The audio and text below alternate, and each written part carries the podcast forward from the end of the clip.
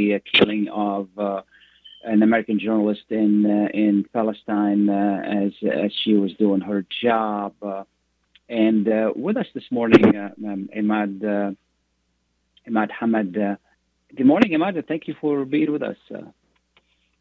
Good morning, Khalil, to you and to your listeners, and thank you for such important discussion uh, under these tough circumstances. Absolutely. You know, Imad is Executive Director of American Human Rights Council. And then you guys, I think yesterday you released a, a, a release condemning the uh, the event. Uh, could you tell us a little bit more about it? And and and and, well, this is not the first time this happened. Is that correct? True. That's why uh, the rhetoric of uh, condemnation, uh, although it's needed, although it's uh, a point to make, but it, it's time is it due to go beyond uh, that. I think uh, it's a fact that Israel had a policy, had a trend of political targeting and political assassinations um, of uh, uh, many folks within the occupied territories, including journalists. We all remember uh, during the Gaza war, the latest Gaza war, how Israel bombarded the AP, the Associated Press uh, uh, facility and building and Israel was never held accountable. How many peace, uh, uh, American peace activists were killed? One of them, the famous Rachel Corrie, and one uh, time passed by and Israel never held uh, accountable. This is just another uh, a crime, another uh, violation of the human rights, another brutal act of act of that goes beyond description. we hope that this time uh, at least the U.S. administration uh, respect its own commitment. When candidate Biden ran for the election, um, he made a statement that his administration is going to be savvy towards uh, human rights. But it's the unfortunate fact that when it comes to, uh, to the Palestinian-Israeli conflict and when it comes to the favorite baby, quote unquote, Israel, Israel become above the norms, uh, the double standards and political hypocrisy become the norm. This is why the killing, the targeted killing of uh, Shireen Abu Akleh, who's a Palestinian American journalist who was doing her job and intentionally shot by Israeli sniper, this is a crime against humanity that should not pass like any other crime. It's just a reminder that time is due for Israel to be held accountable that's why the whole world, not just AHRC, I think uh, the human rights community, reporters, journalists, should condemn that. Uh, what is appalling is that some journalists and some reporters just are silent, or they report in the killing like uh, like she chose to die, or she was killed or uh, hit uh, uh, while as a result of a crossfire uh, from the Palestinian side, not the Israeli side. This is baloney, and nobody can accept this. Look what happened in Ukraine. When a journalist anywhere in the world uh, gets captured, gets killed, you see the whole world upside down, including America. Uh, when it comes to Palestinians, unfortunately, Palestinians um, uh, in their book are not counted as humans, and they continue to deal with us uh, as Palestinians uh, as subhumans. Uh, enough is enough. And that, unfortunately, will add to the feud, will add to the conflict. And this rhetoric of uh, peace will fade away and will never end. Uh, the, the conflict will never end. Palestinians are not going to give up.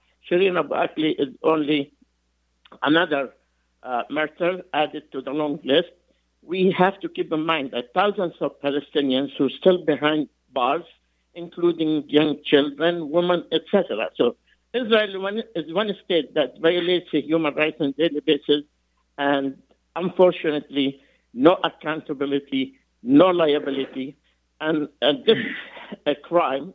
Um, they try to do the same thing, flip the story, flip the truth, and yet to blame the Palestinian side, the victim in this situation, uh, uh, uh, be blamed on what's happening there what's being planned locally to you know in regard to to this event? Is there anything being planned locally? Yes, I think a few sister organizations took uh, a good initiative uh, prior to the uh, uh assassination of uh, Abu Akleh, uh, and they called for a march for Palestine, commemorating the Palestinian catastrophe and Nakba, the 1948 catastrophe. And now, with the killing of Shireen Abu I think it added to the importance of this symbolic uh, gathering and this symbolic march uh, in solidarity with the Palestinian people under the Israeli occupation. Uh, the demands are the same uh, for the past 75 years or so.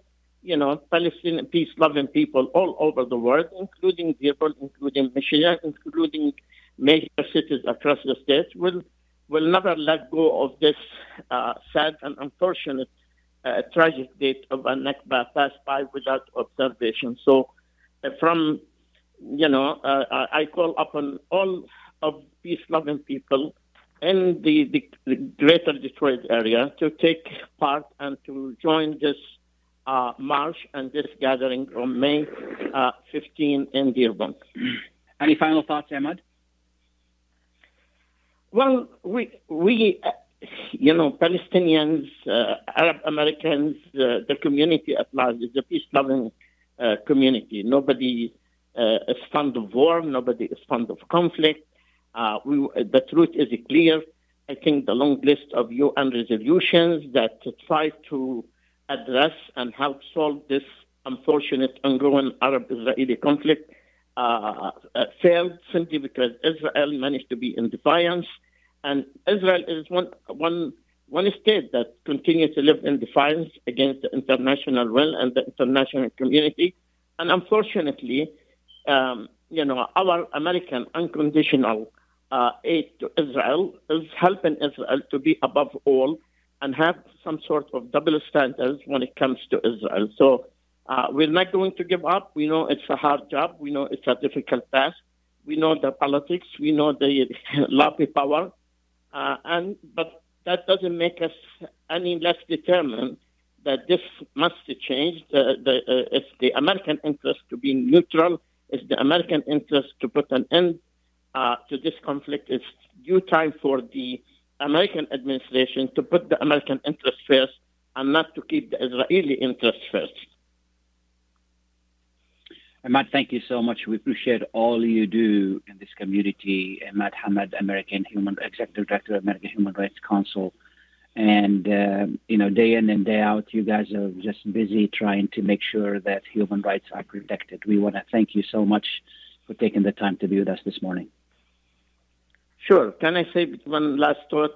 We have to keep in mind that yes, please. the Palestinian issue, the Palestinian issue or the Palestinian cause it's not a Republican issue. It's not a Democratic issue. It's not a liberal issue. It's simply a human rights issue, period. And thank you again. Absolutely. Absolutely. Thank you, Imad.